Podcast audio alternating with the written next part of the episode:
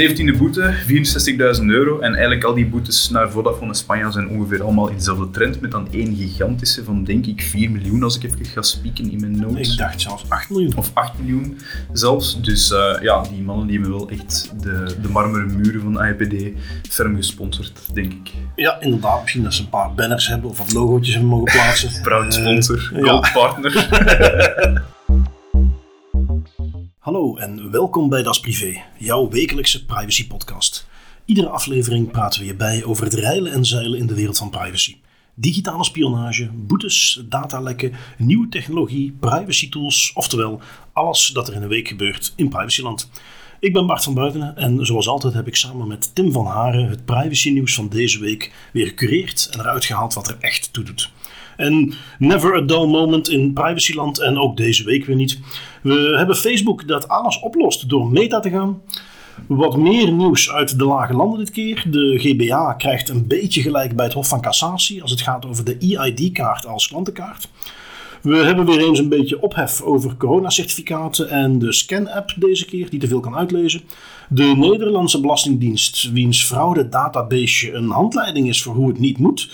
Dus ja, voldoende en leuk dus, uh, Tim. Ik vind dat we deze keer ook wat meer uh, van eigen bodem hebben. Altijd leuk. Mm -hmm. um, ik kreeg nog een privacyvraag die ik wel interessant vond. Uh, wat breder, maar met dat Lydia Peters recent, hè, onze minister, aangekondigd heeft dat ze het rekeningrijden weer eens gaan bekijken, was de vraag: is dat geen privacy nachtmerrie? En dat is interessant. Dus die gaan we ook even behandelen. Nu, misschien voordat we er in nieuws invliegen, we hebben ook wat huishoudelijke mededelingen, want Tim, groot nieuws.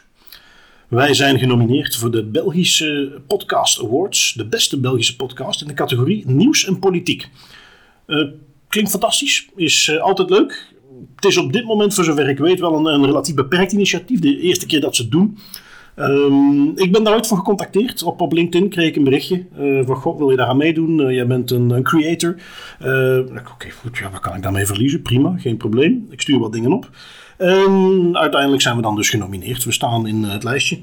Um, ik kreeg op een gegeven moment, dat was dit weekend geloof ik zelfs, een mailtje. Heb je de website al bekeken of het Instagram? voor de rest stond er niks in.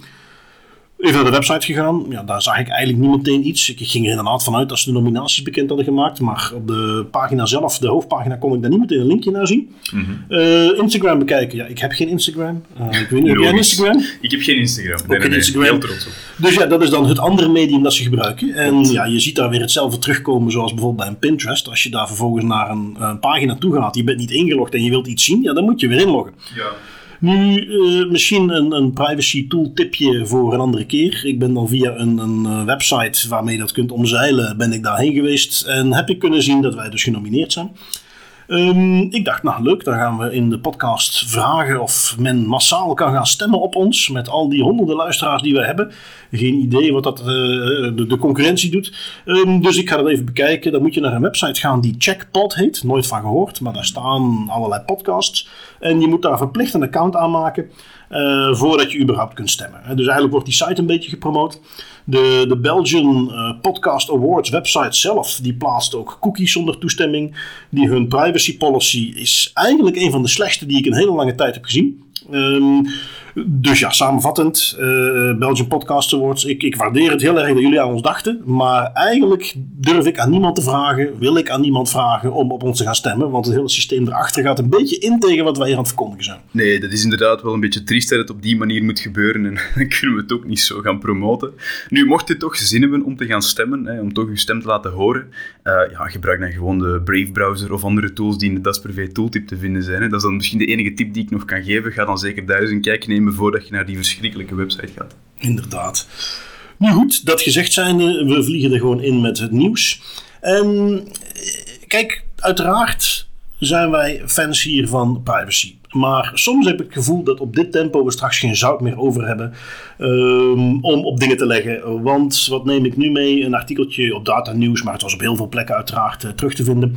Um, de COVID-scan app, uh, nadat we het al eens gehad hadden over de vrijgegeven certificaatnummers, de ingetrokken certificaatnummers, dat was mm -hmm. vorige aflevering als ik me niet vergis, ja. is die COVID-scan app die heeft een bepaalde modus die je kunt instellen. En als je die opent, je kunt dan kiezen voor evenement. En dan kun je QR-code scannen en krijg je gewoon een naam te zien. En een groen of rood uh, ding. Uh, waarbij het, zal ik er meteen bij zeggen, officieel dan dus de bedoeling is dat je het identiteitsbewijs van iemand ook controleert, of dat dat wel overeenkomt. Nu, je kunt de modus ook aanpassen. Dat is in die app iets heel simpels. Dat is maar met een paar knoppen te doen. En dan zit je in de, ja, wat zal ik zeggen, douanier-modus. En dan zie je naast de naam ook de geboortedatum en informatie over het vaccin wat iemand gehad heeft. Um, switchen is super simpel. Is een paar knoppen uh, voor een paar uh, swipes. Um, dat kan dus, en dat is waar het hier om gaat. Iedere uitbater of, of iemand die iets organiseert en die toegangscontrole doet met de coronapas, die kan dat dus ook gaan bekijken. En die kan er dus meer zien dan eigenlijk de bedoeling is waarom ik hem meeneem, natuurlijk om er iets over te zeggen, maar tegelijkertijd bespeur ik een beetje een zorgelijke trend in privacyland. Uh, en, en, dat is dat het wel lijkt alsof iedere slak met een pincet korreltje per korreltje zout op zich gelegd krijgt. En begrijp me niet verkeerd, hè? Dit, is niet dat ik een, een, een privacy fanaticus ben die ondertussen murro gebeukt is en zegt ik trek het niet meer, laat het allemaal maar lopen. Lekker blijven knokken als onze privacy weer slachtoffer wordt van een maatregel die te ver gaat, maar we moeten misschien onze gevechten een beetje beter kiezen om straks niet weggezet te worden als van ja, daar heb je die privacy mafketels meer en dan we niet meer serieus genomen worden. Want iedere keer is er wel weer iets nieuws waar we op zitten te ziften. Uh, kijk, in de basis is het COVID-safe ticket als principe, als het idee dat jij voortaan op plekken waar je met iemand niks te maken hebt, ineens je moet gaan aanmelden met je naam, waar cafébazen al aangaan van, oh leuk, dan ken ik die mensen hun naam voortaan is wel. Misschien zit ik daar helemaal niet op te wachten. En word ik daartoe verplicht om dat te doen. En dat in principe, uh, samen met het feit dat wij dus uh, als, als maatschappij een beetje gewend gaan raken aan het feit dat wij zonder ons identificeren geen toegang krijgen tot bepaalde dingen, wat ik ook heel zorgelijk vind, wat ook in het advies van de GBA staat.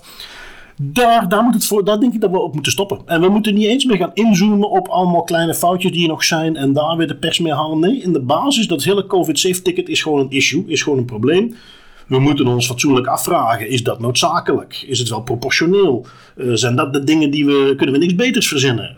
Um, de overheid moet dus fatsoenlijk gaan onderbouwen van ja, welk doel bereiken we nu eigenlijk met het COVID-safe ticket? Hoe weten we dat dit echt werkt? Is er dan geen minder ingrijpende maatregel die we kunnen toepassen? Onderbouw is waarom de voordelen hiervoor uh, opwegen tegen de nadelen dat uh, overal identificeren, alles registreren, ja, dat zal altijd de makkelijkste oplossing zijn. Maar dat maakt het daarom niet de goede oplossing. En ja, laat het maar aan de politiek over om altijd de makkelijkste oplossing te kiezen. Maar dat is waar we hier, de, de, laat ik het wat zwaar zeggen, de strijd tegenaan moeten gaan. En iedere keer zo ieder detailtje eruit pikken, dat vind ik wat overdreven. Maar goed, dat was dus de, de laatste opheffront corona-check, uh, safe ticket. Ja, het, gevoel dat ik een beetje krijg de laatste, pak zeg maar twee jaar, hè, met, die, met de COVID-19, de lockdown en dan alle maatregelen die genomen worden, is dat inderdaad vanuit de privacyhoek een beetje een The Boy Who Cried Wolf verhaal aan het uitspelen zijn. Waar dat soms terecht dingen worden aangehaald, soms zaken waar ik van denk, ja, oké, daar heb je misschien theoretisch een punt, maar moeten we daar nu echt zoveel heisa en zoveel gedoe rond gaan maken? Want wat je inderdaad, zoals jij ook al aangaf, creëert, is een situatie waarin op den duur mensen zoiets gaan hebben van ja, alles uit die privacyhoek komt, dat zijn compleet gestoorde conspiracy theorist people die helemaal geen goede alternatieven bieden of geen goede punten aanbieden.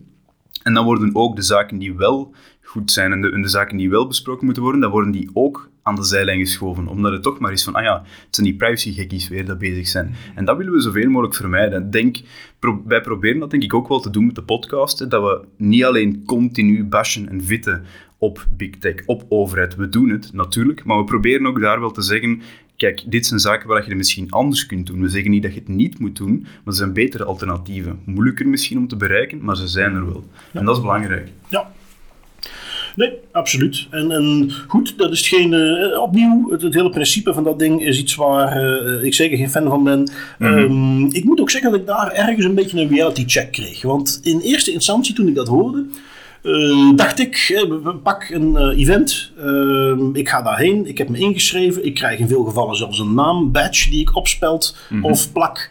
Dus ja, dat ik dan uh, iets moet laten scannen en ze zien daar mijn naam. Ja, wat zal het mij uitmaken? En dan had ik zoiets van, ja, we maken we ons eigenlijk... Is dit misschien, gaan we hier iets te ver in? Dus ik probeer me dat eens wel in te beelden. Ik heb daar wat over gesproken. En ik kreeg ook aan de hand van een paar hele simpele praktijkvoorbeeldjes een uh, vrouw die tegen mij zei: Ja, maar ik, ik, heb al, uh, ik, ik heb al vaak genoeg meegemaakt dat ik in een restaurant uh, een ober net iets te opdringerig doet. Dat die zijn nummer op mijn bonnetje gaat schrijven. Het laatste wat ik wil is dat die persoon ook nog eens mijn naam weet. En met heel weinig moeite mijn geboortedatum nog eens even kan achterhalen door even te switchen. Heel goed punt. En dat is dus iets wat gaat gebeuren. Dat, dat is helaas. Hè. Ik ben Ja. geen groot MeToo-aanhanger. Ik denk altijd graag dat eh, ik wat dat betreft mijn zaakjes goed op orde heb. Maar met alles wat we de laatste jaren hebben gezien, het is kennelijk echt een ding. Ja. Die dingen gebeuren. En dat is een heel tastbaar scenario, een zeer reëel scenario, wat hiermee ook mogelijk gemaakt wordt. En dus opnieuw, in de basis is het zeker iets waar van alles over te zeggen valt. Maar opnieuw, we moeten onze gevechten een beetje kiezen. Ja, en het is al gebeurd. Hè. Ik denk dat is nog niet zo lang geleden dat we nieuwsberichten te lezen kregen van. ehm, toen was dat nog, als je op restaurant ging, dat was ergens tussen de twee lockdowns door dat je op restaurant of café kon gaan, maar dat je dan wel contactgegevens moest achterlaten voor het geval dat er daar een broeihard zou zijn. ja. Ook gevallen gezien in het nieuws zelfs terechtgekomen van mensen die zeggen: Ik word nadat ik op bezoek ben geweest bij op een restaurant of op café, gecontacteerd door de eigenaar of door een ober om te vragen of we op date kunnen gaan. Ja. Toen al. Dus het feit dat dat gaat sowieso gebeuren nu, dat is waarschijnlijk al bezig. Dus dat is een keigoed punt. Ja. Dus waarom is dit COVID-safe-ticket sowieso een slecht idee, Tim? Dat is vanwege ons mannen. Ja, ja uiteraard. We zijn er gekomen, het is ons fout. Ehm, nu goed, eh, het is niet alleen in België dat we vinden dat de overheid het soms wat te ver pusht. We hebben natuurlijk ook eh, de Nederlandse Belastingdienst, die heel vaak in de kijker staat. En Ja. nu recent nog iets extremer. Je hebt hem meegenomen, Tim. Wat eh, hebben ze uiteindelijk uitgesproken? Ja, in Nederland, ik heb echt het gevoel dat die zo'n een, een beetje een paranoïde obsessie hebben met fraudebestrijding. Dat is echt het gevoel dat ik daarbij krijg als we kijken naar alle schandalen en zaken die daar de laatste jaren gebeurd zijn. Meer dan in België. Nu, eh, wat ik heb meegepakt is eigenlijk een onderzoek van de autoriteit persoonsgegevens. Waaruit blijkt dat tussen 2013 en 2020 de Nederlandse Belastingdienst een zwarte lijst bijhield met meer dan een kwart miljoen mensen, waaronder ook minderjarigen. Ehm, en die mensen op die lijst die kregen de stempel potentiële fraudeur en werden zo dus onderworpen aan verstrengd toezicht en bepaalde maatregelen, zoals bijvoorbeeld het vertragen van bepaalde aanvragen, zoals een toeslag. Wat dat voor mensen die al in een penibele financiële situatie zitten, ja, dat kan wel eens doorslaggevend zijn en een heel negatief impact hebben op die hun leven. Nu, die lijst, want je hoort het eigenlijk al aankomen, potentiële fraudeur, die lijst die was samengesteld op basis van allerlei signalen van vermeende of bewezen fraude, afkomstig uit zowel interne bronnen bij de Belastingdienst als externe bronnen van de overheid, zoals bijvoorbeeld meld een misdaad anoniem, meldingen van burgers en bedrijven, kliklijnen ehm, en onder, onder andere ook bronnen van andere overheidsentiteiten. Je hoort al, je voelt dat al aankomen, de kwaliteit van die input op die lijst, dat is niet echt fenomenaal. Er zijn uit verschillende bronnen, uit verschillende vormen, dat komt allemaal maar binnen en die mensen worden dan bestempeld als potentiële fraudeur op basis van een vermoeden. Met grote gevolgen. Nu, wat de AP eigenlijk eh, heeft ondervonden, heeft, heeft vastgesteld eerder, is dat ja, de, de GDPR-wetgeving is volledig aan, ze hebben die volledig aan hun laars gelapt. Er was geen rechtsgrond voor die zwarte lijst. Basisbeginselen werden helemaal niet in acht genomen, om een paar voorbeelden mee te geven. Er was geen omschreven specifiek doel voor die lijst. De lijst die stond eigenlijk bomvol onjuiste en verouderde gegevens. Wat dat ook wel al iets wil zeggen, werd veel te lang bewaard. En die beveiliging die schoot ernstig tekort. Eh, Om daar ook een voorbeeld van te geven van die beveiliging die ernstig tekort schoot. Ja, te veel werknemers, om mee te beginnen, hadden al toegang tot die gegevens. Om dat nu nog een beetje erger te maken, activiteiten in die lijst die werden helemaal niet gelogd.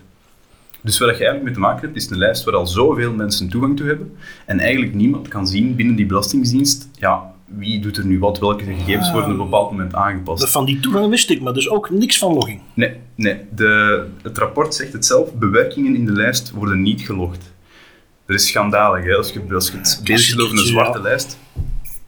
En mensen stonden dus ook gewoon vaak onterecht op die lijst door onjuiste info die was doorgespeeld, die helemaal niet goed werd gecontroleerd. Hè. Accuraatheid en juistheid van de gegevens is toch wel belangrijk, zeker als het gaat over een zwarte lijst met potentiële fraudeurs. Ja, kijk, ergste van al eigenlijk nog vind ik is dat die mensen werden helemaal niet geïnformeerd of veel te laat geïnformeerd over het feit dat ze hier op die lijst stonden. Er werden wel beslissingen genomen op basis van die lijst, maar die mensen zelf werden niet geïnformeerd, waardoor die dus ook geen enkel verweer konden geven. En ja, de algemene conclusie van de AP is dus, dit is een gigantische schending van de GDPR-wetgeving en alles waar die wetgeving voor staat, en eigenlijk gewoon privacy aan zich ook. Hier is, er zijn gigantisch veel dingen fout gegaan en zij gaan nu kijken wat kunnen wij doen om die belastingdienst eh, daarmee te laten stoppen eerst en vooral, en ook ja, eh, te berispen en een sanctie op te leggen. Ja, want in tegenstelling tot in België kan men wel een geldboete opleggen. Uh, Al hoorde ik daar wel meteen commentaar. En dat is ook het argument wat hier altijd is gezegd: van ja, maar dat is vestzak, broekzak. Ja. Uh, het gaat meteen door naar de schatkist. Ja, dat gaat normaal gezien toch bij de Belastingdienst. Maar je, kijk, we moeten dat niet zien als is het een soort opbrengst. Je moet het zien als is het een sanctie. Is het iets wat indruk gaat maken bij het management, bij de Belastingdienst. Om zich een beetje aan te passen. Want je ziet dat daar, en dat is trouwens een puntje wat ik ook steeds vaker zelf wat begin in te zien, begin te merken. En dus ook steeds vaker meenemen in, in, in trainingsprogramma's of, of, of uh, plekken waar ik zelf als DPO ben, mm -hmm. is bedrijfscultuur. Hoeveel dat kan sturen. Op het moment dat het management duidelijk maakt dat ze dat belangrijk vinden. Op het moment dat ja. in heel de organisatie helder is. Op verschillende momenten, manieren wij geven echt om hoe we daarmee omgaan, dan zie je dat dat ook doorcijpelt. En dat dit soort dingen snel naar buiten komen. Terwijl waar jij zelf al aangaf net, bij die Nederlandse Belastingdienst heb je de indruk, uh, ja, iedereen is eigenlijk een potentiële fraudeur. En zo wordt iedereen bekeken. En dat doet me ook nog denken aan een puntje wat uh, men daar nog wel eens vergeet. En, en waar ik dan ook weer proef. Hè. Men is er daar niet op uit om fraude te voorkomen en om dingen op te lossen. Men is erop uit om mensen te betrappen. Ja, en dat is een hele andere insteek. Uh, de zwarte lijsten, ik heb die op veel andere plekken ook wel eens bekeken. Ik heb die mee beoordeeld. En daar zit meestal een proces achter van kijk, iemand heeft iets gedaan, die heeft iets mispeuterd. Oké, okay, mm -hmm. die komt op zo'n lijst, maar die wordt daarover geïnformeerd. Die krijgt te horen wat hij moet doen om daar vanaf te komen. En het doel van die lijst is niet om die persoon tot het einde der tijden op te kunnen sporen en in de gaten te houden zonder dat hij het weet. Nee, dat is om die man of vrouw duidelijk te maken dat je iets gedaan hebt wat niet mag. Pas je dat aan, hou je aan de regels waar we ons allemaal aan houden dan is er niks aan de hand en ga je er vanzelf van vanaf. En dat, dat is iets wat we af en toe wel eens vergeten. Altijd soort systemen, fraudeopsporing, uh, of, of van mijn part dat het gaat om, verkeershandhaving. We doen dat om te zorgen dat mensen niet de verkeersregels breken. We doen dat niet om mensen te betrappen of in sommige gevallen de schatkist te spekken. Nee, dat is altijd bedoeld om het gedrag van mensen aan te passen. Dat is wat onder handhaving zit. En dat mis je hier helemaal. Ja, dat mis je hier. En daarmee dat ik het ook zei in het begin, die, die bijna angstvallige panische, ja, hoe moet ik het zeggen, houding van de Nederlandse overheid en van die belastingdiensten om fraude te gaan detecteren inderdaad, want ze willen het niet tegenwerken, dat is duidelijk. En ook gewoon het idee al achter een zwarte lijst met potentiële fraudeurs en daar dan al handelingen op gaan, gaan op basis van de lijst, al handelingen gaan uitvoeren. Ja, dat gaat helemaal in tegen dat principe van uh, ja, je bent onschuldig tot als je schuldig wordt bevonden. Want wat je eigenlijk op die moment creëert is een omgeving, een situatie voor die mensen waarbij dat ze schuldig worden bevonden op basis van een vermoeden.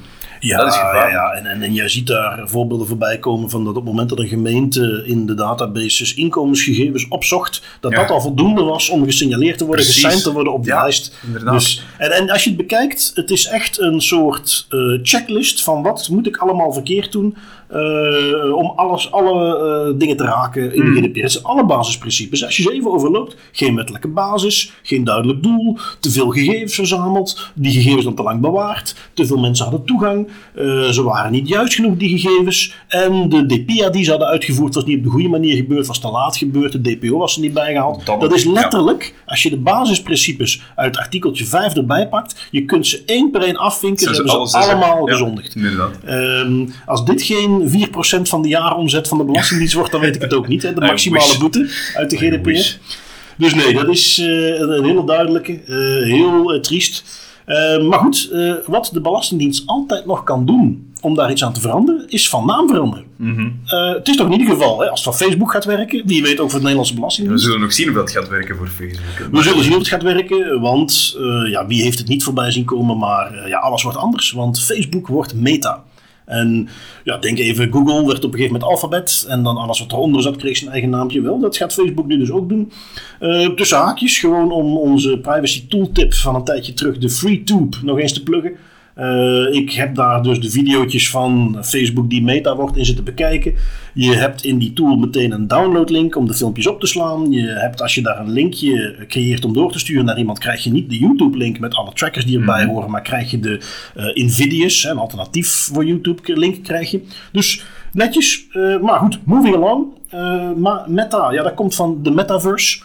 De metaverse is dat idee wat Zuckerberg heeft van een, een nieuwe wereld waarin we allemaal gaan vertoeven. Eh, als het even kan natuurlijk volledig beheerd door Facebook. Uiteraard. Eh, de term zelf is niet heel origineel. Ik heb eh, me even ingelezen, kennelijk in een roman in 1992 werd het al voor het eerst benoemd, de metaverse. Nu goed, Ja, wat ik de mensen niet wil onthouden, we gaan hem ook zeker in de show notes zeggen, maar je, je moet eigenlijk dat presentatiefilmpje even bekijken. Ehm, komt de meest ongemakkelijke man op aarde, komt dat filmpje doen. De zak hemzelf zit daar in die video. Ik weet niet waarom, want dat was laatst bij die... eh, ja, wij noemen ze dan maar de facebands. Ik weet niet wat de fatsoenlijke naam is, maar eh, die, die brilletjes met die camera's, doet hij dat ook zelf. En ja, alles wat hij doet en zegt, het is zo gemaakt, het is zo stijf. Het lijkt wel of zijn handen protheses zijn, want die, die bewegen bijna niet.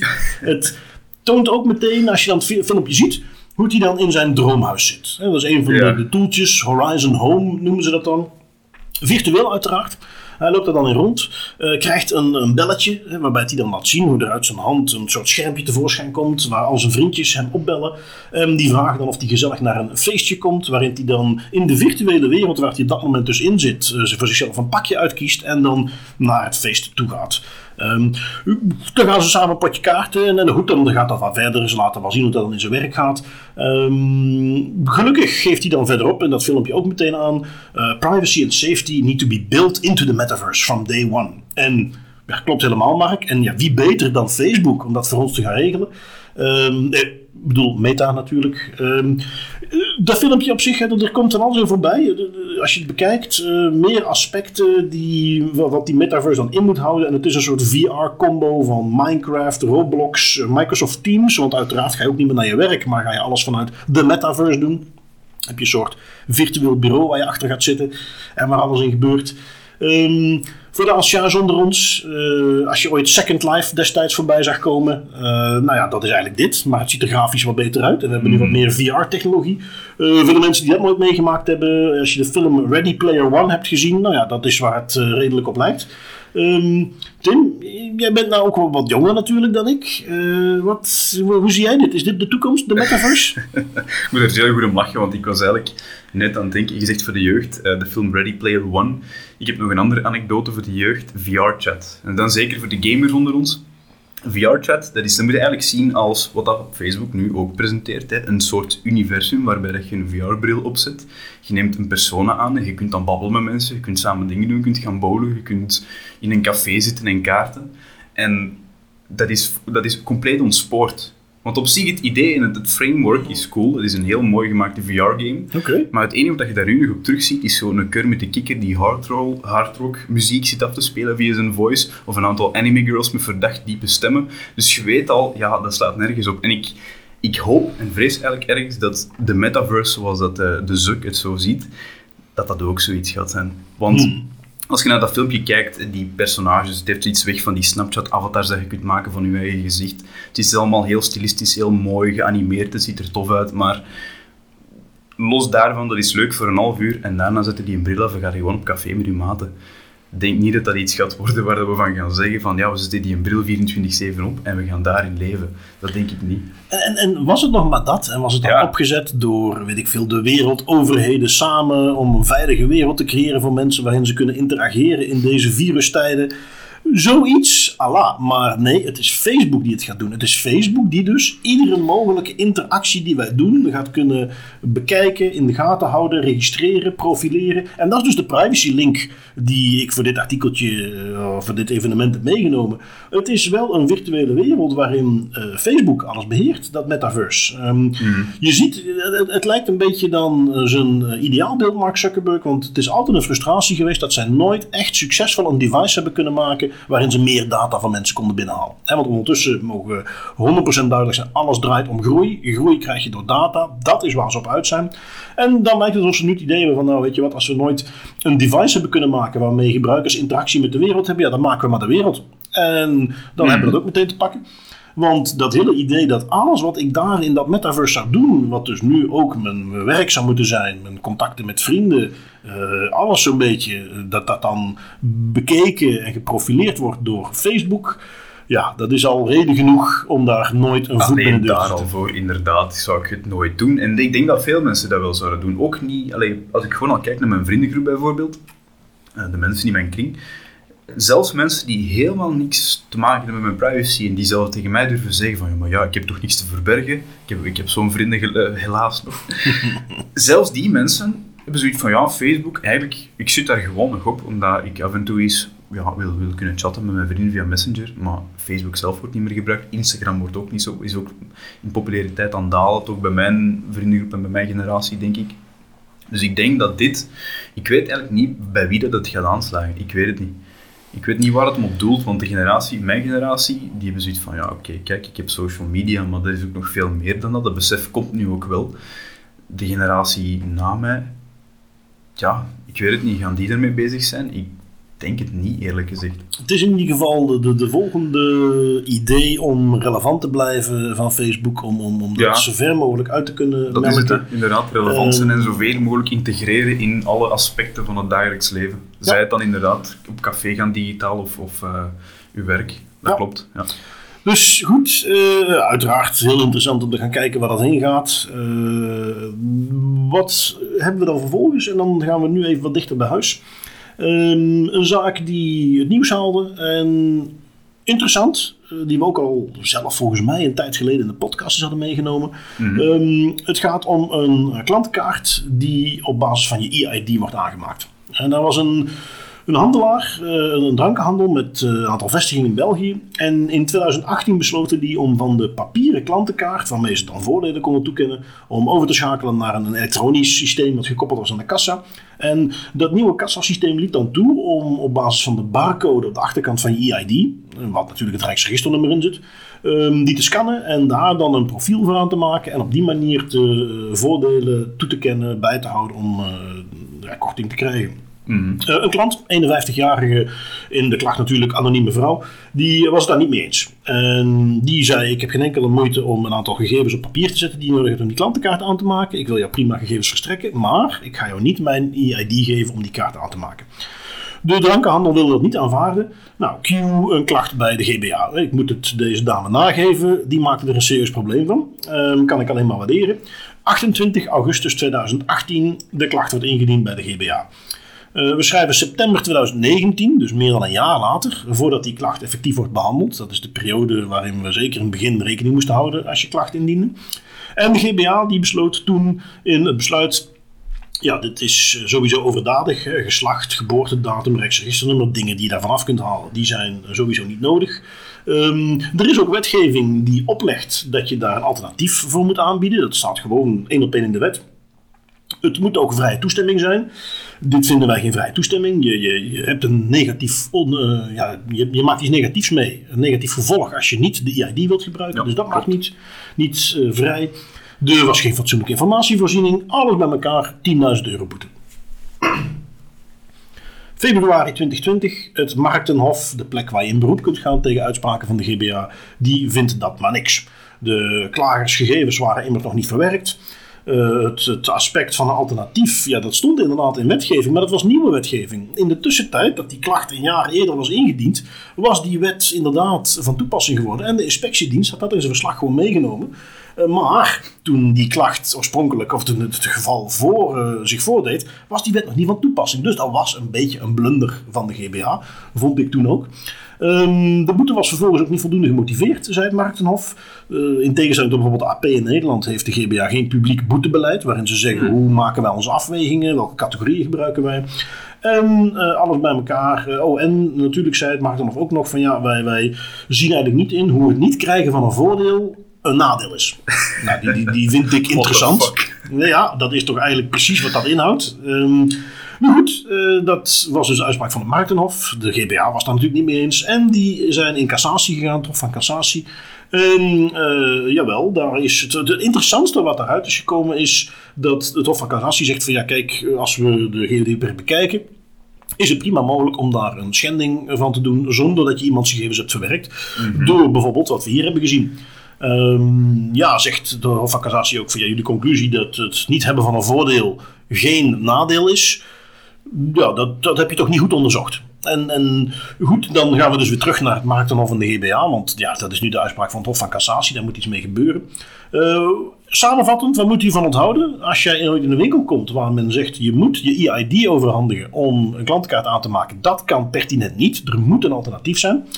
Gebruik je EID wel, dan mo- mogen ze natuurlijk enkel de gegevens uitlezen die noodzakelijk zijn. En iets van geslacht, leeftijd is in de meeste gevallen zeker niet noodzakelijk voor een klantenkaart. Wat we hier ook uit kunnen leren is dat alles wat met GDPR en privacywetgeving te maken heeft. Want ja, vergeet niet, die GDPR voor zo'n ingrijpende wet is er pas drie jaar. Dat gaat nog wel wat jurisprudentie kosten om een heleboel zaken uitgekristalliseerd te krijgen. Want eh, als ik dat, eh, die uitspraak nu goed lees, doen ze ook daar geen uitspraak over ja, eh, het feit dat jij geen voordelen kunt krijgen als je die kant-klaar niet krijgt. Is dat nu inderdaad, zoals het in de GDPR staat, een negatief gevolg van niet geven van toestemming? En die discussie ook al hebben wij meteen zoiets van ja, maar ik, iemand anders mag die korting krijgen, want die geeft een ID-kaart. Ik wil dat niet geven, ik krijg geen korting, dat is toch een nadeel voor mij. Wel, daar is nog heel veel discussie over. En tot nu toe uh, surfen rechters daar steeds omheen. Dat zie je ook een beetje terug in die discussie over cookie walls. Is het een nadeel dat ik verplicht mijn data moet geven? Um, dus dat is iets waar. Eh, en daar heeft dus nu het Hof ook nog steeds geen finale uitspraak in gedaan. Dus de, de, de, GBA heeft maar deels gelijk gekregen. Het is in ieder geval zeker zo dat die volledige vernietiging van het dan of het dat niet opgaat. Uh, maar dus ja, in die zin was dit, uh, was dit interessant. Um, het enige wat ik natuurlijk wel hoop is dat, want we spreken dus van uh, tegen dat de klacht oorspronkelijk was ingediend naar nu. Ja, dan zijn we dus gewoon al meer dan drie jaar verder. Dat is ergens natuurlijk een beetje triest. Dat is triest en lang. Uh, waar ik wel heel blij om ben dat het, het Hof van Cassatie daar ook ergens het licht heeft gezien, is dat zij zeggen, ja, wel, je mocht wel een klacht indienen, ook al zijn er nog geen gegevens verwerkt. Want dat vind ik, ik vind dat eigenlijk een heel absurde redenering, dat je moet zeggen, stel je staat daar inderdaad aan die kassa, ze vragen nu EID op een manier die helemaal niet kan. Je zegt nee, je wilt daar ook een klacht voor indienen, want dat is, dat is een heel moeilijk gedoe en dat is echt niet leuk. En dan zeggen ze vlak af tegen u, ja, je gaat uw EID moeten afstaan en dan komt de klacht indienen. Ja, dat, is, dat is heel raar. Ergens heel evident, hè? Heel evident eigenlijk dat dat niet zou moeten, maar toch ja. vreemd om te zien dat markten of dat dan toch aanhaalde als een van de argumenten om te zeggen, ja, de uitspraak van de GBA, we gaan die niet doen. Dus heel blij dat het Hof van Cassatie daar wel een beetje duidelijk ja, brengt. Maar, maar daar zie je ook weer, daar zijn we nu een paar jaar verder, en dat is iets wat, wat je niet moet onderschatten. Het is niet omdat iemand een rechter is of, of jurist, dat hij de GDPR kent. Nee, dat. En dat zien wij in de praktijk continu. Hè? Ja. Wij als, als niet-juristen uh, in gesprek gaan met iemand die ook eens een keer een infosessie heeft gehad, uh, die die wet totaal niet heeft gelezen en die denkt, omdat wij geen juristen zijn, ik kan wel even vertellen hoe het zit en die de plank gewoon gigantisch mislaat. Ja. Nu goed, dat zal bij rechters niet zo heftig zijn, maar dat neemt niet weg dat ze dus de finesses ook hier duidelijk niet goed hebben ingeschat. Mm -hmm. Dus, nu goed, het markt hem af, want daar, daar het lijkt iedere procedure, iedere sanctie die de GBA uitspreekt, die komt vroeg of laat bij het markt af, lijkt het soms. Dus die gaan hun expertise niveau heel snel opkrikken. Uh, misschien ondertussen zelfs al gebeurd, maar in ieder geval, dat was zeker een interessante. Um, en uh, het leuke van dit soort dingen vind ik wel, ja, daar leren wij weer van. En, en het landschap evolueert. Ja, er worden voilà. weer wat dingen duidelijker.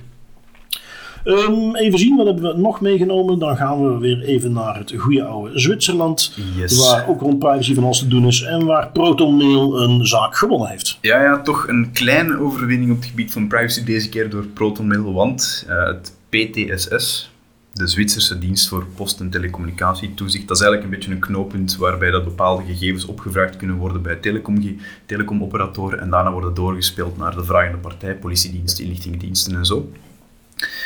Ja, die um, willen eigenlijk gebruikersinformatie van techbedrijven verkrijgen. En die oordeelden dus ook in 2020 dat Proton Mail en Proton VPN telecombedrijven waren.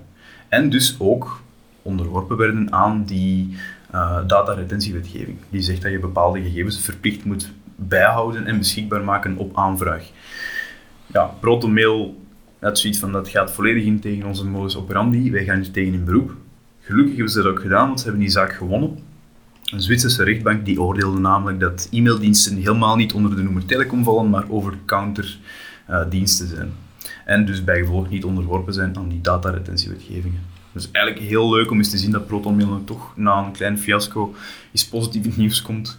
Uh, en een kleine overwinning op het gebied van privacy haalt in Zwitserland. Ja, uh, voor de duidelijkheid betekent niet dat wat we recent hebben gezien, dat zij uh, dingen moesten gaan loggen, IP's bijhouden voor een specifieke gebruiker op verzoek van de Franse justitie in dit geval, dat dat niet van toepassing is. Klopt. Maar die verdergaandere verplichtingen die men wilt opleggen rond bijvoorbeeld dataretentie, als het bijvoorbeeld ging om de, ja, de, diensten die ProtonMail aanbiedt, dat zij ook al dat soort gegevens moeten gaan bijhouden, die zijn, daar moeten ze niet aan voldoen. En dat is een, voor zeker voor ProtonMail, voor iedere e-mailaanbieder, is een gigantisch verschil. Ja, dus nu blijft het voor politiediensten, inlichtingendiensten, iedereen die eigenlijk gegevens wil opvragen bij ProtonMail of ProtonVPN, het blijft even moeilijk. Moest die wetgeving, maar moesten zij daar wel onder gevallen hebben, onder die Mm. wetgeving en onder de definitie van telecombedrijf, dan moesten zij een veel simpeler manier hebben voorzien om al die gegevens te kunnen vrijgeven. En dat was nefast. Ja. Want ze doen wel echt hun best. Ze publiceren daar ook jaarlijks een rapport over. Ze zijn een van de weinige techbedrijven die ik zie die echt heel hard hun best doen om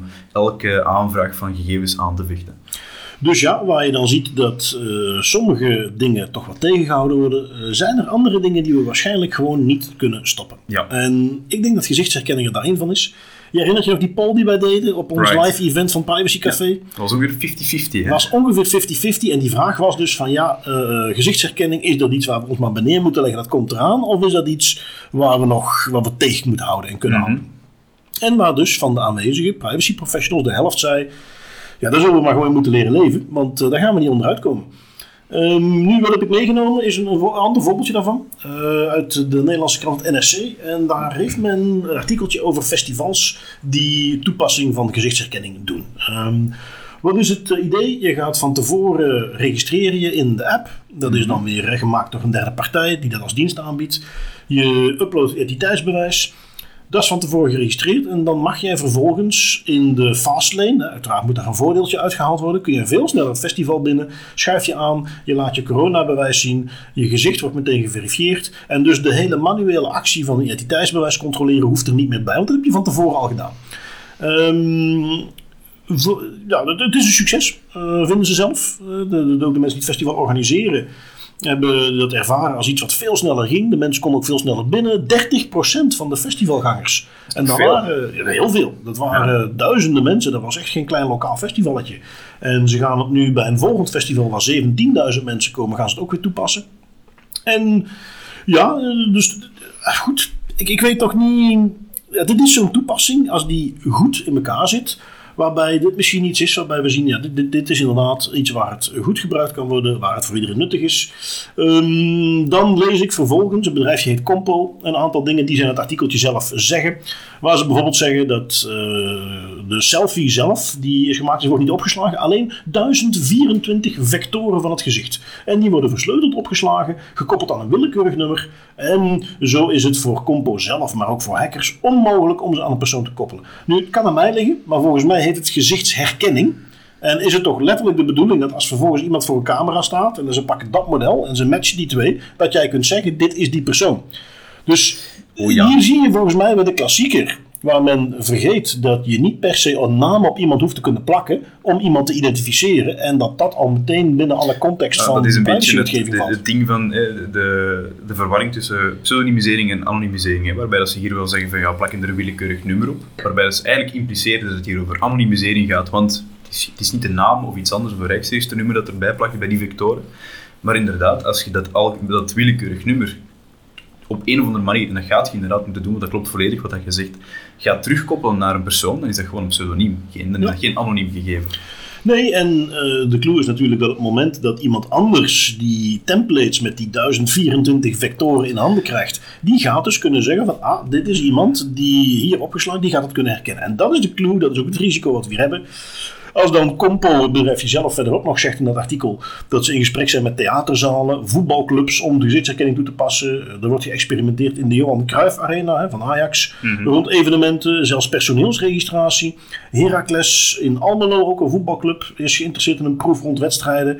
De club die werkte daar eerder ook al eens aan mee en ze gaan het dus nu nog eens doen. Dus je ziet het, en, en dat is wat we ook de vorige keer al bespraken, beetje bij beetje is dit iets wat we steeds meer zien, wat steeds meer terugkomt. En ja, waarbij je dus toch gaat denken, eh, nu vijf jaar van nu, is gezichtsherkenning nog weg te denken uit het dagelijks leven. Ja, en kijk, op zich tegen die technologie heb ik... Ik heb daar niks tegen, want ik vind, als je inderdaad zegt, je moet niet heel eh, uren in de rij gaan staan om naar een festival te gaan. Ik ben ook al aan festivals geweest, dat is een hel, dat is niet leuk, je wilt gewoon gaan feesten. Als je dat kunt versnellen met technologie, go for it, kei tof. Maar, en ik denk dat ik het ook ergens in hetzelfde artikel las, dat men hier ook de mogelijkheid biedt om die, eh, die uw login ofwel te verwijderen als het festival gedaan is, ofwel bij te houden voor een volgend festival of voor een volgend event waar, die, waar Compo als organisatie ook staat met hun facial recognition technologie. Wat dat wil zeggen dat die gegevens lang worden bijgehouden. Ik zou dat veel liever zien dan men bijvoorbeeld zegt, facial recognition, we gaan het toepassen op het festival. Dat wordt allemaal lokaal, of dat mag zelfs in een datacenter zijn, verwerkt en opgeslagen. De moment dat dat festival gedaan is, die vectoren die zijn weg. En de volgende keer denk je, wat is dan nu een kleine moeite? Trek gewoon opnieuw een selfie als je naar een festival gaat, op, weg, op een trein bijvoorbeeld. Uw vectoren staan er weer in, jij mag binnen, festival is gedaan, die data is terug weg. Want dan, dan beperkt je het risico echt tot het minimum. En dan Ja. is dat plots een veel acceptabeler gebruik van die technologie. Ja, wel, en dat is waar we ook destijds van concluderen. Goed, dit is waarschijnlijk niet weg te denken, dat zien we nu keer op keer. Nee. Maar laten we alsjeblieft van tevoren eens nadenken hoe kunnen we dit dan gaan toepassen op een manier die met dit soort dingen rekening houdt. Niet te lang bewaren, de toegang beperken, alleen die dingen die noodzakelijk zijn. De klassiekers, en dat is helaas waar het nu steeds blijft hangen. Maar goed, misschien moeten we Compo het eh, voordeel van twijfel geven. Wie weet wat voor een capabele DPO die in huis hebben. En dat zij een implementatie hebben die al die dingen die wij benoemd hebben ook perfect toepast. Je weet het niet. Nu, mocht het zo zijn dat ze dat toch niet doen... Dan kunnen we misschien eens kijken naar technieken die we kunnen toepassen om die gezichtsherkenning het leven wat moeilijker te maken. Wat jij? Ja, ja, dat vind ik wel een heel goed idee. En ik denk iets dat daar wel heel eh, goed in past in dat plaatje, dat is eigenlijk geen techniek, maar dat is, dat is mode. En dan vooral AI camouflage fashion. Misschien ook zelf een ideetje voor Das Privé merch, als we daar ooit zouden zijn. Dat zou wel graaf zijn. Ehm, we hebben het niet vaak over fashion in deze podcast. Het is een privacy podcast, maar in deze die kunnen we echt moeilijk laten liggen. Want een groep van Japanse kunstenaars en computerwetenschappers wetenschappers, die hebben een patroon ontwikkeld eh, dat surveillance camera's en facial recognition technologie zodanig in de war brengt dat ze u eigenlijk niet meer kunnen identificeren als een persoon. Dat is heel graaf. Die kledij die is eigenlijk ontwikkeld door een AI patronen te laten genereren op 3D-modellen van mensen. Die modellen die worden dan door een gangbaar beeldherkenningsalgoritme, deze keer hebben ze YOLO V2 eh, gebruikt. Ze halen dat erdoor. Op basis van de data van de hits en misses van, dat, van die eh, image recognition technology genereren zij nieuwe patronen tot als die beeldherkenning compleet tilt slaat.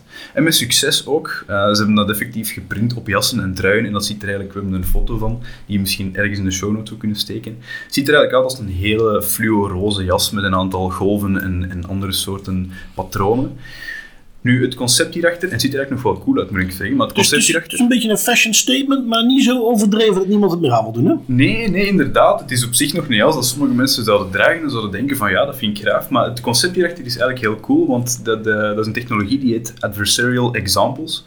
En dat is een soort, dat is een AI-techniek die eh, beeldclassificatie voor gek houdt door een bepaald type ruis toe te voegen aan patronen en aan de kledij. En die is voor het menselijk oog zo goed als onzichtbaar. Maar voor een AI is dat eh, blijkbaar dodelijk, want dat leidt tot de verkeerde conclusies, waardoor het dan, ja, we hebben het op de foto ook, hè, daar staan vier mensen, drie ervan zonder die kledij, die worden dan geïdentificeerd als een persoon, en de vierde met zo'n felle roze jas, ja, die wordt volledig buiten schot gehouden. Het is in ieder geval beter dan wat we in het verleden al gezien hebben, die eh, extreme make-up die je Ja, kan opdoen. juist. Eh, dat, dat, dat, dat ging er dan voor het mij ook nog over. gehalte was Ja. redelijk hoog toen. Dit is iets modieuzer en gangbaarder. Dus ik, ze kunt het, dus het is ook effectief een product dat ik kan kopen. Ik heb geprobeerd om er een te bestellen, maar ik geraakte niet door de Japanse webshop, helaas. Oh, het is alleen maar het Japans. Zonde, hè. Ja. Inderdaad, doodzonde, want ze laten die nog aan de markt liggen, zou je zeggen. Hmm, ja, maar misschien dat het nog komt. En ik denk dat die technologie, dat we die, allee, de, de patronen, dat ze die wel gaan vrijgeven. En dan kunnen we dat gewoon zelf gaan printen op een t-shirt. Oké, nice. Dat is nog wel eens een strak idee inderdaad. Dat is wel een graaf idee, hè? Ja. Ehm, gaan we door met een klein beetje Apple. Ehm, dit keer toch weer een beetje goed nieuws. Eh, we kennen Apple al als degene die begon met de privacy labels op apps, hè, waarin dan te zien stond eh, welke data gaan ze verzamelen, wat doen ze daarmee.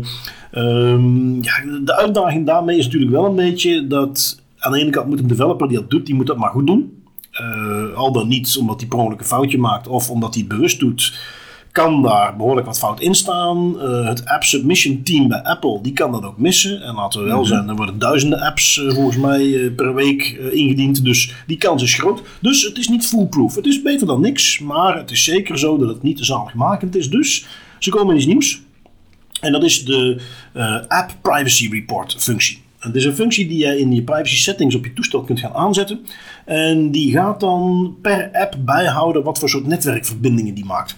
Ehm, Bijvoorbeeld. En wat die app aan het doen is. Eh, Zo hebben ze in, in, in de beta-versie nu WeChat in de gaten gehouden. En die zat bijvoorbeeld eh, om de paar uur steeds te scannen naar alle nieuwe foto's die op je toestel stonden. Ook al was je op geen enkele manier die aan het gebruiken of aan het toevoegen. Dat soort dingen komen daar dus uit. Ehm, en dus die, de extra variant ervan is de network activity die dus gaat bijhouden. Welke domeinen heeft die app allemaal geprobeerd te benaderen?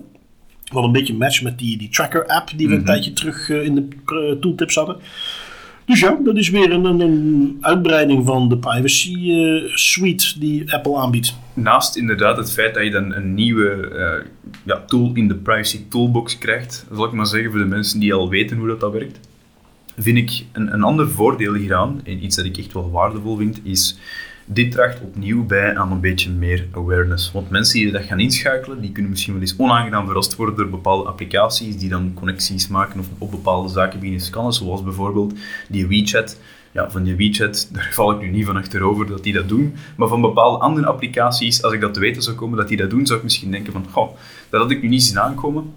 Eigenlijk wel jammer, ik ga die eraf doen. Dus hoe meer van dat soort inzicht dat we krijgen en hoe minder dat, dat een zwarte doos wordt, die tracking, het scannen van bepaalde files of bepaalde foto's, hoe beter vind ik. Dus ik vind het Ja. heel mooi en heel netjes dat ze dat doen. Ja, absoluut. Ehm, gaan we even door met andere privacyverbeteringen. Een domein waar daar vast nog wel wat te doen valt is IoT. Alles wat klein, sensoren, internet geconnecteerd. En daar zijn nu wat nieuwe vereisten, een stukje nieuwe wetgeving voor aangenomen als ik niet vergis. Eh, nog niet aangenomen, maar ze stellen het wel voor. Dus wat we eerder eigenlijk al een paar keer hebben aangehaald in de podcast, eh, IoT security richtlijnen, benchmarks, dat soort zaken, guidelines, dat is allemaal heel erg leuk. Maar dat draagt weinig bij in de praktijk als naleving niet wordt verplicht. Je kunt nog zoveel een keer zeggen van kijk, als je deze stappen volgt, dan is uw, dan is uw applicatie of uw, toestel zo veilig mogelijk. Maar als je dat niet gaat verplichten of daar niks mee gaat doen, ja, 9 op de kans, 9 kans op 10 dat de bedrijven gewoon zeggen ja, oké, leuk, maar we gaan dat toch niet doen, want dat kost ons veel tijd en geld. Nu, de Europese Commissie die heeft daadwerkelijk wel geluisterd naar de podcast, want die komen met een voorstel voor strengere regels voor apparaten die met het internet verbonden zijn, IoT. Ehm, en na goedkeuring door de Raad van Ministers en het Europees Parlement zouden die regels ook verplicht worden medio 2024. Dus dat is een strakke deadline. Als alles goed gaat, dan hebben we in 2024 een wetgeving die IoT-bedrijven en leveranciers verplicht om aan bepaalde zaken te voldoen. Um, die regels zullen van toepassing zijn op ja, de klassieke IoT natuurlijk, de huis-, tuin- en keukenapparaten, waar je gewoon het woord slim voor plakt. Denk aan de slimme thermostaat, de slimme vaatwas, de slimme koelkast, dat soort zaken. Maar ook IoT in speelgoed. Wat dat ik ook wel een interessante vind. Denk aan drones en auto's die hun eigen wifi-access pointje hebben, zodat je dat met een smartphone kunt besturen. Ook daar, ja, dat is een botnet waiting to happen, die dingen. Nu een paar van die regels, om het even uh, toch, toch praktisch te geven standaard wachtwoorden die worden verboden. Ja, in elk installatieproces moet eigenlijk by default volgens de wetgeving een eigen wachtwoord ingesteld worden. Niet zo gewoon zijn van ja, ik, ga hier een router pakken en het wachtwoord is nog altijd de router 1, 2, 3, 4, 5. En nog andere zaken die verplicht worden. Uh, software-updates moeten stelselmatig uitgevoerd worden. Er moet een testing, actieve testing zijn op beveiligingslekken. En ook interessant, die wetgeving benoemt specifiek dat persoonsgegevens makkelijker te beheren moeten zijn en makkelijker te verwijderen. Dus dat vind ik wel heel cool dat dat effectief iets is, dat daar ook in wordt benoemd. En als alles goed gaat, dat moet nog door ja, twee entiteiten, zullen we maar noemen. Uh, dan hebben we 2024 ook een wetgeving daar rond.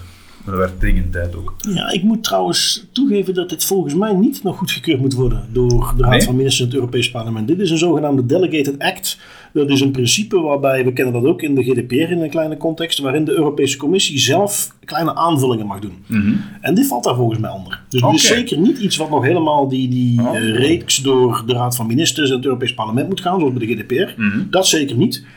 Ik weet niet zeker of, die, of een Delegated Act toch nog ergens goedgekeurd moet worden, maar voor zover ik weet, dit komt er gewoon. Oké, I stand corrected. In that case, dan 2024 hebben we een IT-security-wetgeving. Ja, ja, Nice. en, en goed specifiek voor IoT. En eh, wat me erin opviel als ik hem bekeek, wat ik wat jammer vond, is dat ze bepaalde definities wat heruitvinden. Eh, ze hebben het over eh, gevoelige persoonsgegevens.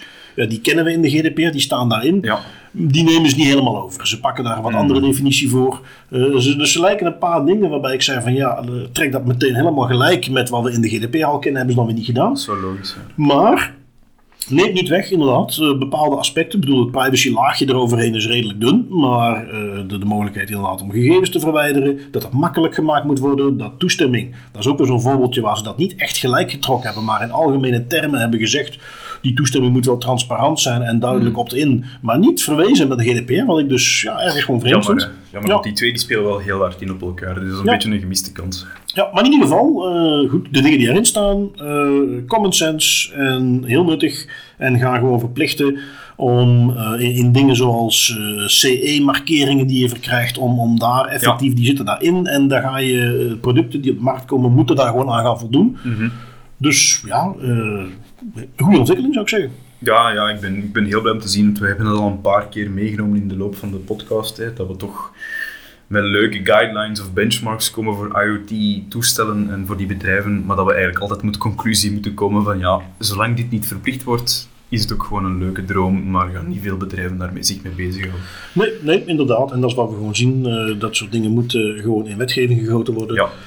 Niks mis mee. Um, waar kijken we dan naar? Ja, dat is iets waar Europa het uh, op zich goed doet en wat dingen op gaat leggen. Iets waar het aanzienlijk minder goed mee gaat, is met die Europese cloud. Mm um, ik heb dat initiatief volgens mij wel eens een paar keer genoemd in de podcast, Gaia X. Klopt. En dat moest dan het alternatief zijn voor Amerikaanse clouds. Um, ja, dat, is, dat loopt al een tijdje. Ik volg dat op. En, en ik, ik meen te zien, dat gaat volgens mij niet zo vooruit. Mhm. Eh, want wat ik eigenlijk verwachtte, wat, wat, eigenlijk was wat meer mensen verwachten, dit, ja, dit wordt gewoon een alternatief aanbod. Hè. Je gaat allerlei partners komen samen en, en die gaan dingen uitwerken waarbij je dan vervolgens kunt zeggen, daar ga ik mij nu eens aansluiten als uh, Europese organisatie die dingen in de cloud wil doen, maar niet bij Microsoft of Google zitten. Of Amazon. Um, dat schijnt niks te worden. Het artikeltje dat ik meegenomen is van Politico. Um, uh, ja, de omschrijving geeft al een beetje aan. Chaos and infighting are killing Europe's Grand Cloud Project. Ja, dat is uh, een bombastische titel. Ja, dat geeft al een beetje mee. Typisch Politico. Um, waarom wordt dat niks? Te veel bureaucratie. Uh, politieke spelletjes die niet over de inhoud gaan, maar ruzies in het bestuur over wie mag nu wat wel of niet gaan doen. Mhm. In een poging om te veel iedereen te vriend te houden, hebben ze Amerikaanse vertegenwoordigers van de grote Microsoft, Google, Amazon hebben ze toegelaten in allerlei comité's.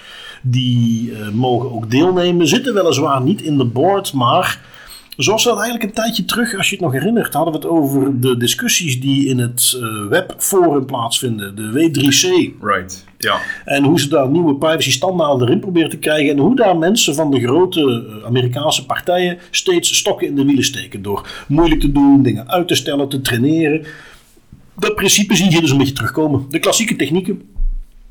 Um, wat ik uh, nu zie is dat uh, dit eigenlijk waarschijnlijk gewoon neer gaat komen op, op um, wat specs, wat labels die ze gaan uitvaardigen, maar die waarschijnlijk zo zijn opgesteld dat Microsoft en Google het voor elkaar gaan krijgen om die labels ook te krijgen. En ja, er dus niet veel meer gaat worden. Die labels, waarom denk ik dat? Wel, er is binnenkort een summit in Milaan, waar mhm. Gaia X met de board nog eens bij elkaar komt. En dat is er op de agenda staat. Dat is want ze zijn van we gaan een Europese cloud aanbieden, zijn ze steeds verder afgezakt naar oké, wat is dan het niveau waarop we wel consensus kunnen bereiken? En dat is dus nu op privacy labeltjes afgezakt. Hè? Iets wat Apple en Google in de Android Store al hebben doorgevoerd. Dan gaan we dat met cloud ja. Dus ik verwacht daar niet veel meer van. Het doet me wel denken, het is iets waar ik dan recent in het kader van onze tooltiplijst, die we ook willen gaan maken voor meer bedrijven georiënteerde tools. Uh, ik erachter kom dat er eigenlijk heel veel Europese cloud aanbieders zijn. Ja. En uh, met echt wel meer features dan gewoon een beetje klassieke webhosting of, of, of, een server die je ergens kunt afnemen. Maar met heel, uh, oké, okay, nog nooit dezelfde toolset als Microsoft en Amazon op dit moment. Maar met mhm. echt redelijk goede uh, alternatieven. we gaan daar zelf ook wat mee testen.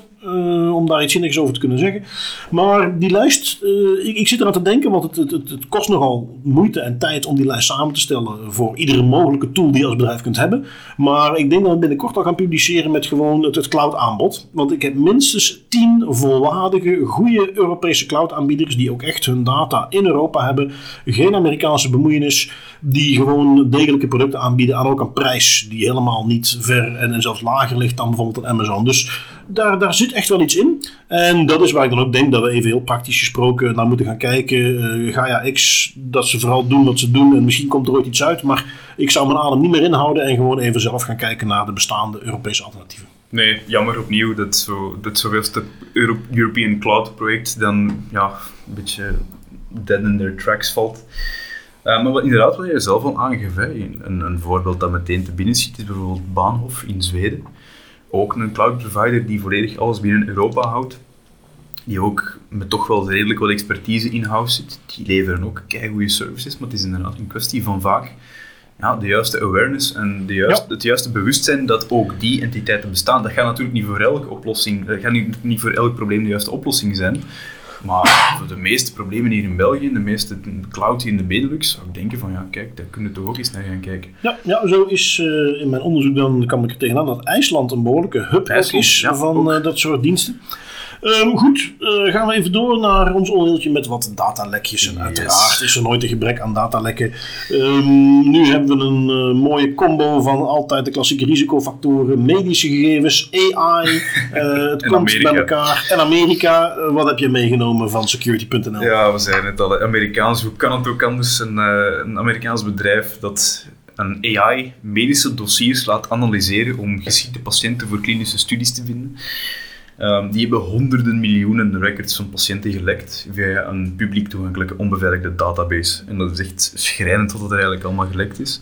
Dat zijn records die ja, zeer gevoelige artsennotities bevatten over de intiemste details van de patiënt, van de ziekte, de behandeling, medicatie, de status van de familie, hoe dat het daar sociaal mee gaat en ook zelfs eigenlijk emotionele aspecten. En uiteraard, zoals het vaak gaat met die lekken, niet zelf ontdekt, niet door een of andere maatregel opgepikt en gezegd van oh fuck, dat is hier helemaal aan het fout lopen, dat lekt hier, maar door gewoon een onderzoeker die een beetje aan het scannen was op het internet en dan ja, een schatkist aan data vond.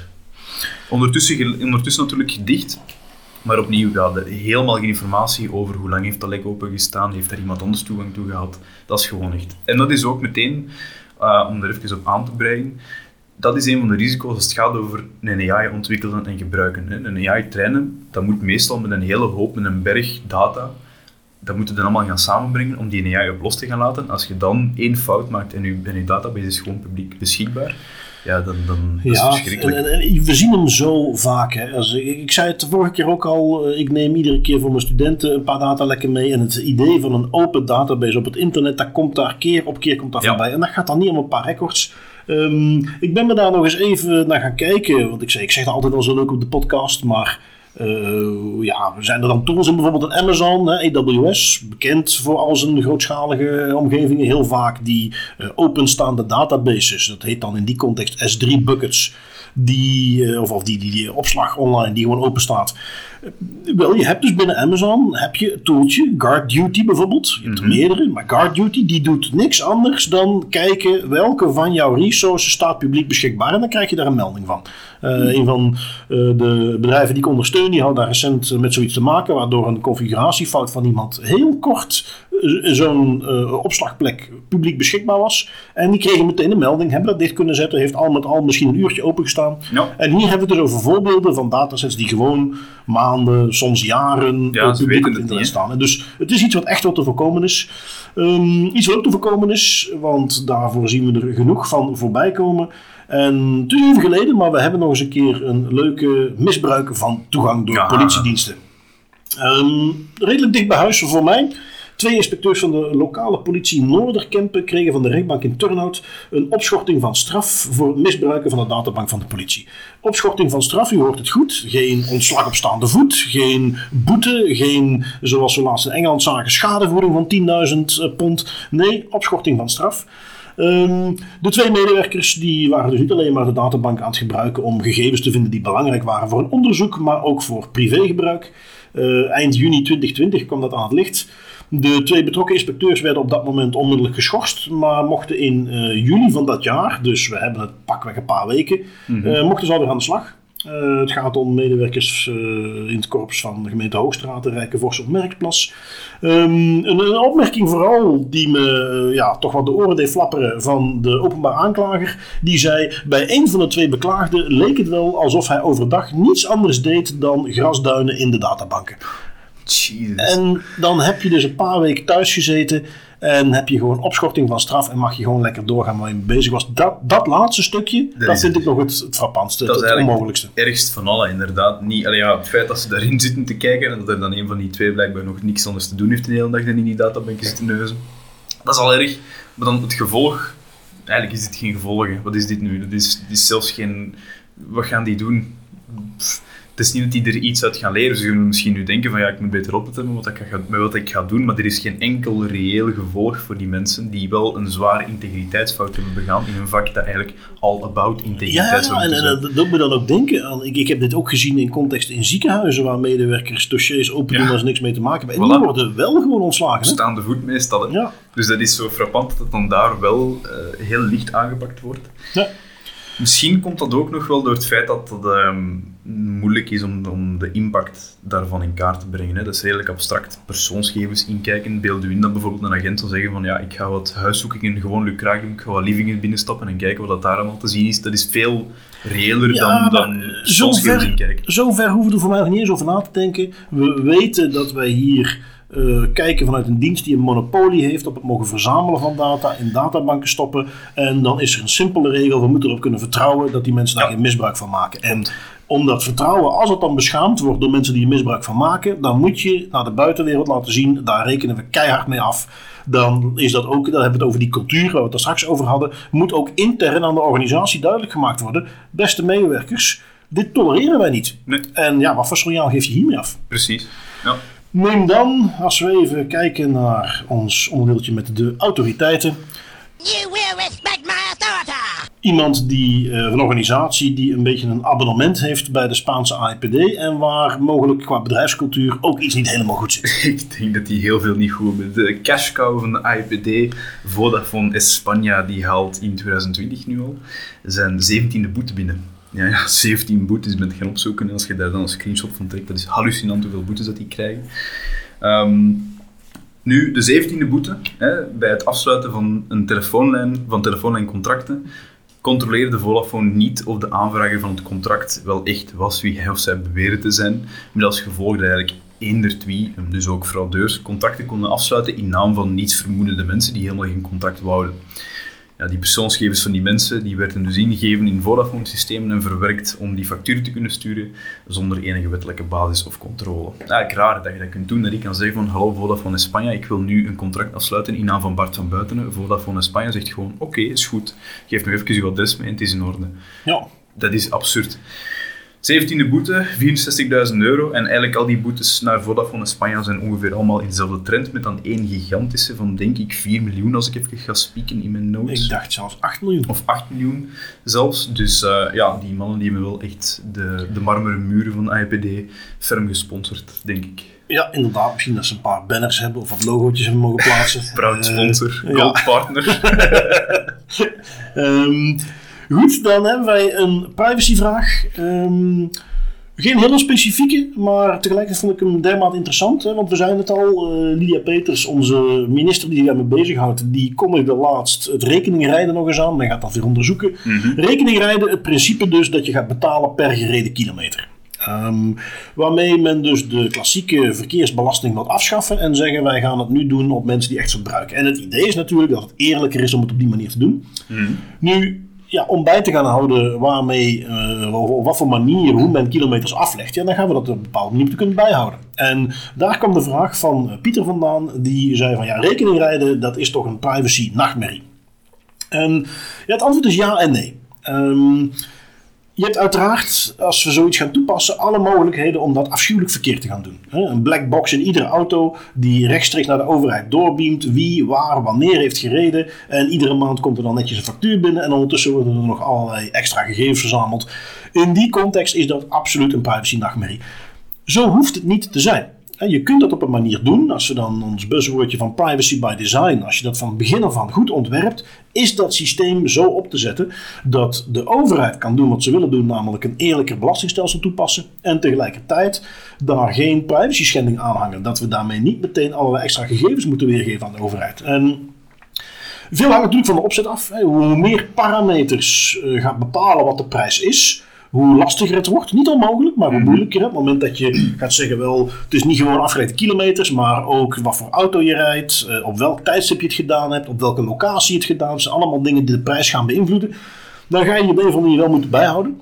Uh, en toch zijn er een aantal dingen waar ik aan denk hoe je dat op een privacy goede manier zou kunnen doen. En met uh, duidelijke wetgeving, hè, waar we nu vaak zien dat dat ontbreekt, maar waar uh, rechtstreeks in de wet staat. Waarvoor mogen we die gegevens gebruiken, waarvoor zeker niet. Wie mag er toegang krijgen tot die gegevens. Dat we daar zoiets toepassen wat we nu steeds meer zien, omdat onze toestellingen ook steeds krachtiger worden, on-device technologie. En dat zou hier ook in de auto kunnen zijn. Dat betekent zoveel als we gaan geen gegevens extern doorsturen die niet nodig zijn. Er wordt zoveel mogelijk in het toestelletje, wat je dan bijvoorbeeld in je auto zou hebben, wordt er berekend. Ja, en er komt misschien hoogstens een resultaat uit dat dan wordt doorgezonden. En er wordt dan iets doorgestuurd. En, Ja. en, en we zouden daar beperkte bewaring op die gegevens toepassen. Eh, van mijn part, eh, één keer per maand worden alle geregistreerde gegevens van locatie en, en tijdstippen en dingen, die worden geaggregeerd. Dat we daar geen details meer over hebben, maar dat er alleen maar te zien is van oké, in die maand heeft hij in die tijdstippen eh, gereden en daar hangt dit tarief aan vast. Heeft hij in die omgeving gereden eh, zonder dat dat eh, specifiek wordt bijgehouden, maar allemaal bij elkaar opgeteld op maandniveau. En dat we dus op die manier wel een beetje gegevens bijhouden om dat naar de hand te kunnen nazien eventueel. Maar dat zoveel mogelijk detailgegevens eh, na een bepaalde periode worden vernietigd. Ehm, dat we daar vanuit de overheid misschien steekproeven op doen. Hè, dat je dan zegt we hebben wel eens controles. En waarbij we dan de gegevens van die maand kunnen gaan nakijken. Die zitten er nog wel in. Eh, misschien dat we een systeem hebben waarbij er eh, op de berekeningen hashes worden berekend. Die worden doorgestuurd naar de overheid. Die dan worden bijgehouden. Waarbij ze dan kunnen gaan zien als iemand daar zelf mee heeft zitten manipuleren. Ik bedoel, er zijn een aantal dingen die je kunt doen. Ehm, en ik kan ze hier niet allemaal opnoemen. Dat is ook iets waar een hele degelijke lange analyse voor nodig zou zijn. Zo'n mooie Data Protection Impact Assessment. Maar het is perfect mogelijk om rekeningrijden te doen zonder mensen in hun privacy aan te tasten. En dit zou, als men het wil doorvoeren, een schoolvoorbeeld kunnen worden van de toepassing van privacy by design. Waarin we dus aan de ene kant de overheid hebben die zijn doel kan bereiken. Maar met, met, met ook rekening houden met het milieu, een, een eerlijkere belasting. Maar waar wij onze privacy behouden. Nu, wat we daar straks ook al eens zeiden, dat is niet de makkelijkste weg. De makkelijkste weg is zo'n doosje erin hangen, alles doorsturen en dan bij de overheid gaat men al rekenen. Het is iets waar men de tijd voor moet nemen, waar men goed over na moet denken. Eh, overheden die dit horen, dat is privé, denkt graag mee hoe je dit op de goede manier kunt opzetten. Zeker. Maar Ja. het zou kunnen, en ik hoop, als ze het gaan doorvoeren, dat men het ook doet. Ik hoop het ook. En iets dat me wel al opviel, nu, ik heb zelf niet gigantisch veel ervaring met het bouwen van complexe systemen die dat soort gegevens moeten gaan vergaren. Maar wel iets dat mij opvalt, is dat toch in theorie, als ik er eens even over nadenk, een aantal zaken die je aanhaalt als dit is een, een component dat privacy by design is, iets dat we op een andere manier gaan ontwikkelen, zodat het de privacy ook in acht houdt.